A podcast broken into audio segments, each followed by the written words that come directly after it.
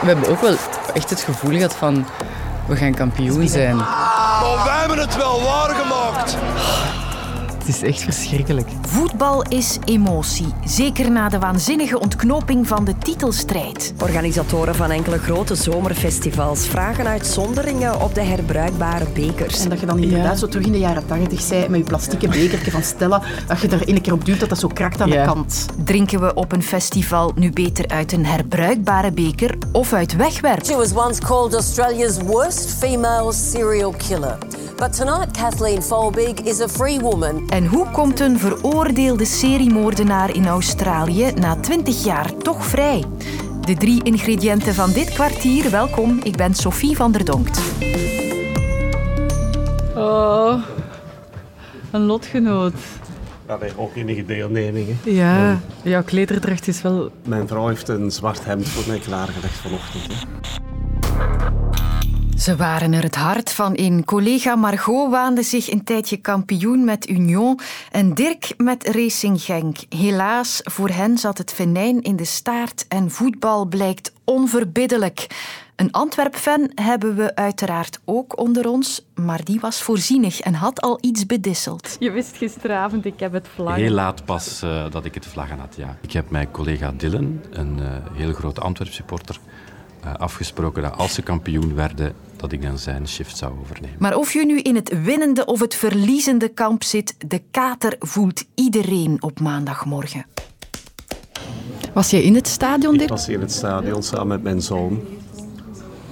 En die sfeer was, ja, was geweldig. En dan ja, valt die goal in de 94e minuut. En ja, ik heb wezenloos minutenlang voor me zitten uitstaren. En ik ben normaal gezien een zeer redelijk mens, maar dit, dit, dit was zo ingrijpend, dat gevoel van... En het is nu ja, maandagochtend, de nacht eroverheen gegaan en ik zit er nog mee. De nacht heeft, geen, ja, heeft het niet kunnen oplossen. Jij zei het ook, hè, dat het wakker worden lastig was. Ja, ik vind eigenlijk... Ja... Zo, u, uw lief heeft het uitgemaakt, maar je bent dat vergeten. En dan word je wakker en dan beseft je zo terug van... Ah ja, zo dat. Ik ben naar huis gereden met mijn zoon. We hebben niet gepraat in de auto. Ik kon niet naar Radio 1 luisteren, ook niet. Nee, nee, ik, heb naar nee. de, ik heb de tijdloze van Stubru opgezet, maar daar zit er ook een, ook een uurjournaal in. We hebben het nieuws meteen afgezet. Ja. We wilden niks, niks, niks, niks horen. En dan ben ik vanochtend dus toch beroepshalve... Moest ik dan toch de ochtend volgen. En toen hoorde ik voor het eerst Tom Boudeweel zijn commentaar. Kon ik niet aanhoren.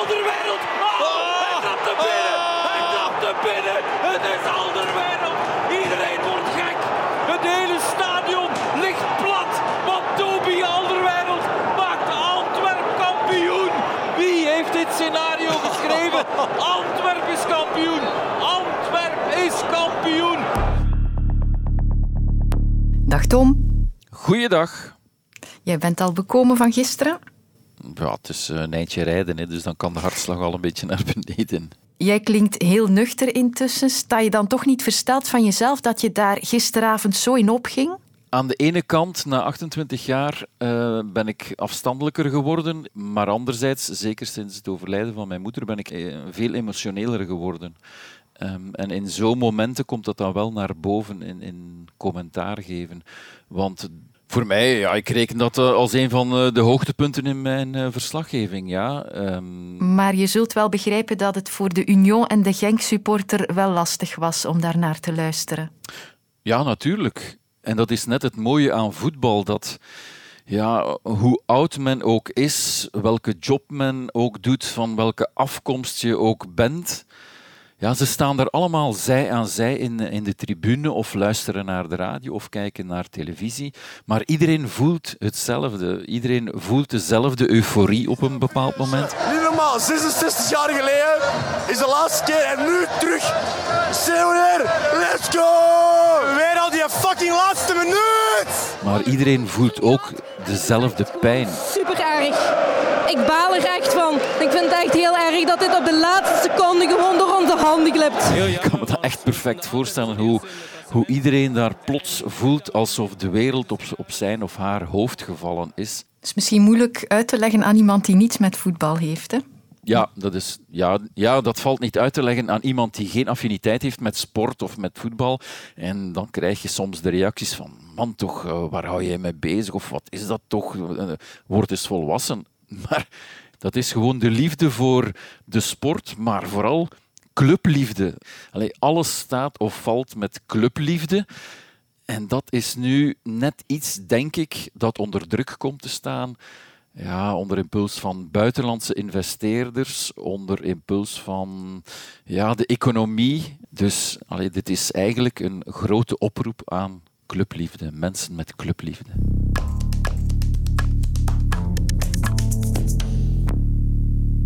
De kampioenenbeker van Antwerpen is trouwens niet meer herbruikbaar, want die is tijdens de viering naar het schijnt al kapot gegaan. Maar dit geluid van krakende plastic wegwerpbekers onder je voeten op een festivalterrein zou je in principe vanaf midden juni niet meer mogen horen. Want vanaf dan moet drank in een herbruikbare beker geschonken worden. Of toch niet? Want grote festivals zoals Rock Werchter, Tomorrowland en Graspop vragen nog een jaar respijt. Debbie Willemsen van Tomorrowland zegt dat ze daar goede redenen voor hebben. Ja, het is effectief de stok. Hè. We hebben een enorme stok nog liggen van um, recycleerbare bekers. Ik noem dat niet graag wegwerpbekers. En de tweede reden is effectief de wascapaciteit. We merken eigenlijk dat er, uh, de markt er nog niet klaar voor is om een, om een festival van onze grootorde uh, de bekers correct en tijdig te laten wassen. Een herbruikbare beker, daar komt dus wel wat bij kijken. Is die dan wel de beste optie? Anne Verkalsteren deed er onderzoek naar voor de VITO, de Vlaamse instelling voor technologisch onderzoek. In de juiste omstandigheden is een, is een herbruikbare beker absoluut te verkiezen boven een wegwerpbeker. Dus dat is absoluut wel het geval. Alleen moet je ervoor zorgen, moet je organisatie en je structuur en ook heel je festivalterrein er zodanig op afgestemd zijn dat je aan die optimale omstandigheden kan voldoen. Oké, dat is duidelijk. Maar wat staat de festivals dan nog te doen om dat mogelijk te maken? Wel, wat dat bijvoorbeeld uh, heel belangrijk is, is enerzijds op het terrein zelf dat je ervoor zorgt dat die beker zo dikwijls mogelijk kan hergebruikt worden. Wat wil zeggen dat je een heel goed inzamel- of, of take-back systeem op je festivalterrein moet hebben. Nu, dat is er ook al wel voor de wegwerpbeker, dus ik ga ervan uit dat dat nog wel te organiseren valt. Maar dus je moet ervoor zorgen dat die bekers zo weinig mogelijk uitvallen. Dus dat die niet in de afvalbak terechtkomen, dat die effectief terechtkomen waar ze moeten. Dus terug bij de, de inzamel, bij de token bijvoorbeeld, waar ze moeten ingezameld worden. Maar dat kan alles anders lopen, weet ook mijn collega Katrien. Bij mij thuis staat daar nu weer op de pombak dat ik zeg, maar wat doet dat plastieke bierglas hier? Ja, dat is dan weer meegekomen van Nerdland Festival of weet ik veel wat. En dat ze die 2 euro vergeten terug te vragen. Misschien herkenbaar. En dan heb je ook nog mensen die ze als collectors item beschouwen. Meestal op grote evenementen zijn typisch de bekers gepersonaliseerd. En dat is ook een extra probleem, denk ik, naar die, voor die grote evenementen. Zij moeten echt beslissen of dat zij met zo'n gepersonaliseerde bekers gaan blijven werken of dat zij overgaan naar een soort van niet gepersonaliseerde bekers, omdat gepersonaliseerde bekers, weten dat wel allemaal, die worden sneller ook al meegenomen naar huis. um, en zeker als dat dan herbruikbare bekers zijn, dan zorgt dat ervoor dat er nog een extra grote uitval is van herbruikbare bekers, dus waar je eigenlijk ook moet mee rekening houden.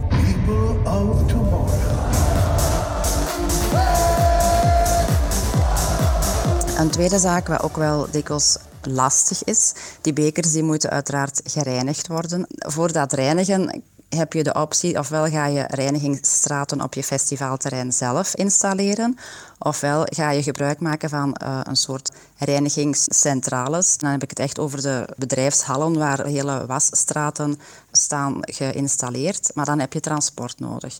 Dus je moet er eigenlijk voor zorgen dat die tijd dat een beker weg is om te reinigen, zo klein mogelijk is, zo kort mogelijk is. Want al de tijd dat die beker weg is om gereinigd te worden, heb je andere bekers nodig om te gebruiken op je festivalterrein. Die locatie, die hele organisatie op het festivalterrein en ook daarnaast moet daar echt wel op afgestemd zijn. Dus dat vraagt best wel wat, wat inspanning en wat herorganiseren van de huidige manier van werken. Als de festivalweide er volgend jaar dus anders uitziet, dan weet je waarom.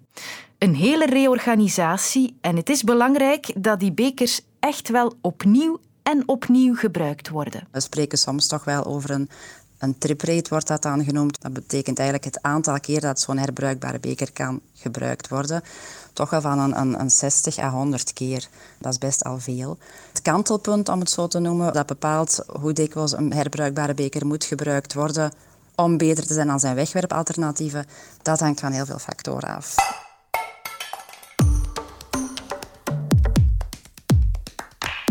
Ik ga je nu voorstellen aan Jane. Hi, I'm Jane Hanson. Een collega podcast-host van mij aan de andere kant van de wereld. In 2003, Kathleen Folbig was found guilty of the deaths of her four children. Ze maakte vorig jaar een reeks over een zaak die Australië al 20 jaar bezighoudt. De zaak Kathleen Folbig. In this podcast, I look into the Kathleen Folbig case. I want to find out who Kathleen really is. En nu is er in die zaak een grote doorbraak. Folbig, die 20 jaar in de cel heeft gezeten voor kindermoord, heeft gratie gekregen en is weer vrij. After more than 20 years behind bars, Kathleen Folbig has been granted unconditional pardon. She has always maintained she did not kill her four children, and now Kathleen Folbig is a free woman. Kathleen Folbig out of her prison greens, wearing a cardigan, red jeans, and a big smile on her face. Het is intussen nacht in Australië, dus Jane Hansen ga ik niet meer uit haar bed bellen. Maar ik heb wel Katrien Boon bij mij, die vandaag in de zaak gedoken is. Hallo Sophie. Hoe zit dat verhaal juist in elkaar? Ja, die uh, Kathleen Folbig, dat is dus een Australische vrouw die in 2003 veroordeeld is voor moord op drie van haar kinderen en ook doodslag op een vierde kind. Die kinderen, twee jongens en twee meisjes, waren heel jong. Die stierven allemaal op een leeftijd tussen 19 dagen en 19 maanden. En Folbig die zou hen volgens de rechter met geweld doen stikken hebben. Ze kreeg een gevangenisstraf van 40 jaar, waarvan uh, 25 effectief. En er werd de voorbije decennia met zeer straffe woorden naar haar verwezen. Bijvoorbeeld, uh, ze werd de ergste vrouwelijke seriemoordenaar ooit genoemd of Australia's most hated woman. En nu is uitgerekend die vrouw plots vrij, zonder voorwaarden. Wat is er gebeurd? Ja, het is misschien niet zo plots als wij denken. Die Kathleen Folbig die is altijd blijven zeggen dat ze onschuldig is en dat haar kinderen een natuurlijke dood zijn gestorven. En ook een groep vrienden en supporters zeg maar, rond haar die zijn altijd voor die onschuld blijven streven. Het is ook zo dat Folbig nooit op grond van harde feiten uh, veroordeeld is. Er is bijvoorbeeld nooit bewijs gevonden van geweld bij de kinderen. Mm. Ze is eigenlijk vooral veroordeeld op basis van haar dagboeken. Daarin schreef zij hoe moeilijk ze het had met het, uh, met het moederschap. En dat in combinatie met vier overleden kinderen heeft de rechter doen beslissen dit kan geen toeval zijn. Maar die strijd voor rechtvaardigheid die is dus blijven duren. En daarin heeft het team Volbeek de laatste jaren steun gekregen van de wetenschap. Want genetici die hebben ontdekt dat er minstens twee van haar kinderen een zeldzame genetische aandoening hebben die een plotse hartstilstand kan veroorzaken. Dat wetenschappelijk rapport dat is in 2019 nog door het gerecht van tafel geveegd, maar Twee jaar geleden hebben een 150-tal wetenschappers zich dan verenigd in een petitie. De zaak is nog eens herbekeken en vandaag kwam de procureur-generaal dan met de verlossende woorden. I have reached the view that there is reasonable doubt as to the guilt of Ms. Folbig for each of those offences. En daar hoor ik dan dat Folbig vrijgelaten is op grond van reasonable doubt. Bij ons zeggen we gereden twijfel dat wil dus nog niet zeggen dat ze onschuldig is. Nee, inderdaad. Er verandert niks aan haar veroordeling op zich. Maar die zogeheten gereden twijfel heeft het gerecht wel doen beslissen dat de gevangenisstraf meteen en ook onvoorwaardelijk moest stopgezet uh, worden. En dat deed mij meteen denken ook aan iets wat we enkele weken geleden in het kwartier besproken hebben. Het uh, project Voordeel van de Twijfel ja. van de KU Leuven, waar ze oude zaken tegen het licht houden, omdat er mensen misschien wel onterecht veroordeeld zijn. En ik heb dus even gebeld met onderzoeker Tamara de Buff van dat project om te weten te komen wat dat principe gereden twijfel precies betekent. Het start eigenlijk vanuit het principe dat in de meeste rechtsstaten pas mensen veroordelen wanneer er bewijs is. En in deze zaken, waar er dan gereden twijfel is, dan komt men eigenlijk niet aan die lat van voldoende bewijs om iemand schuldig te bevinden.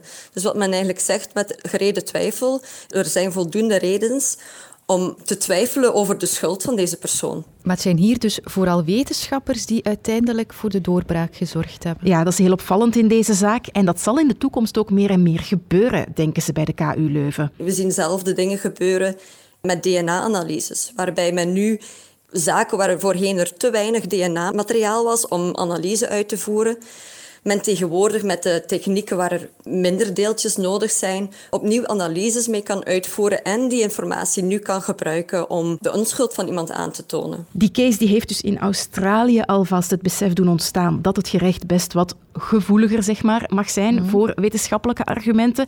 En er wordt daar ook al gepleit om een commissie op te richten die straffen kan herzien, onder meer op basis van wetenschappelijk onderzoek. En op die manier zouden er nog wel meer onterecht veroordelen mensen het voordeel van de twijfel of zelfs meer kunnen krijgen. Wie weet. Dankjewel, Katrien. En ik ben zeker van mijn stuk dat er morgen een nieuw kwartier is, alleszins. Tot dan. Luister ook naar Snapt je mij nu? Onze VRT Nieuws-podcast waarin straffe twintigers praten over hot topics. Nu in de app van VRT Max.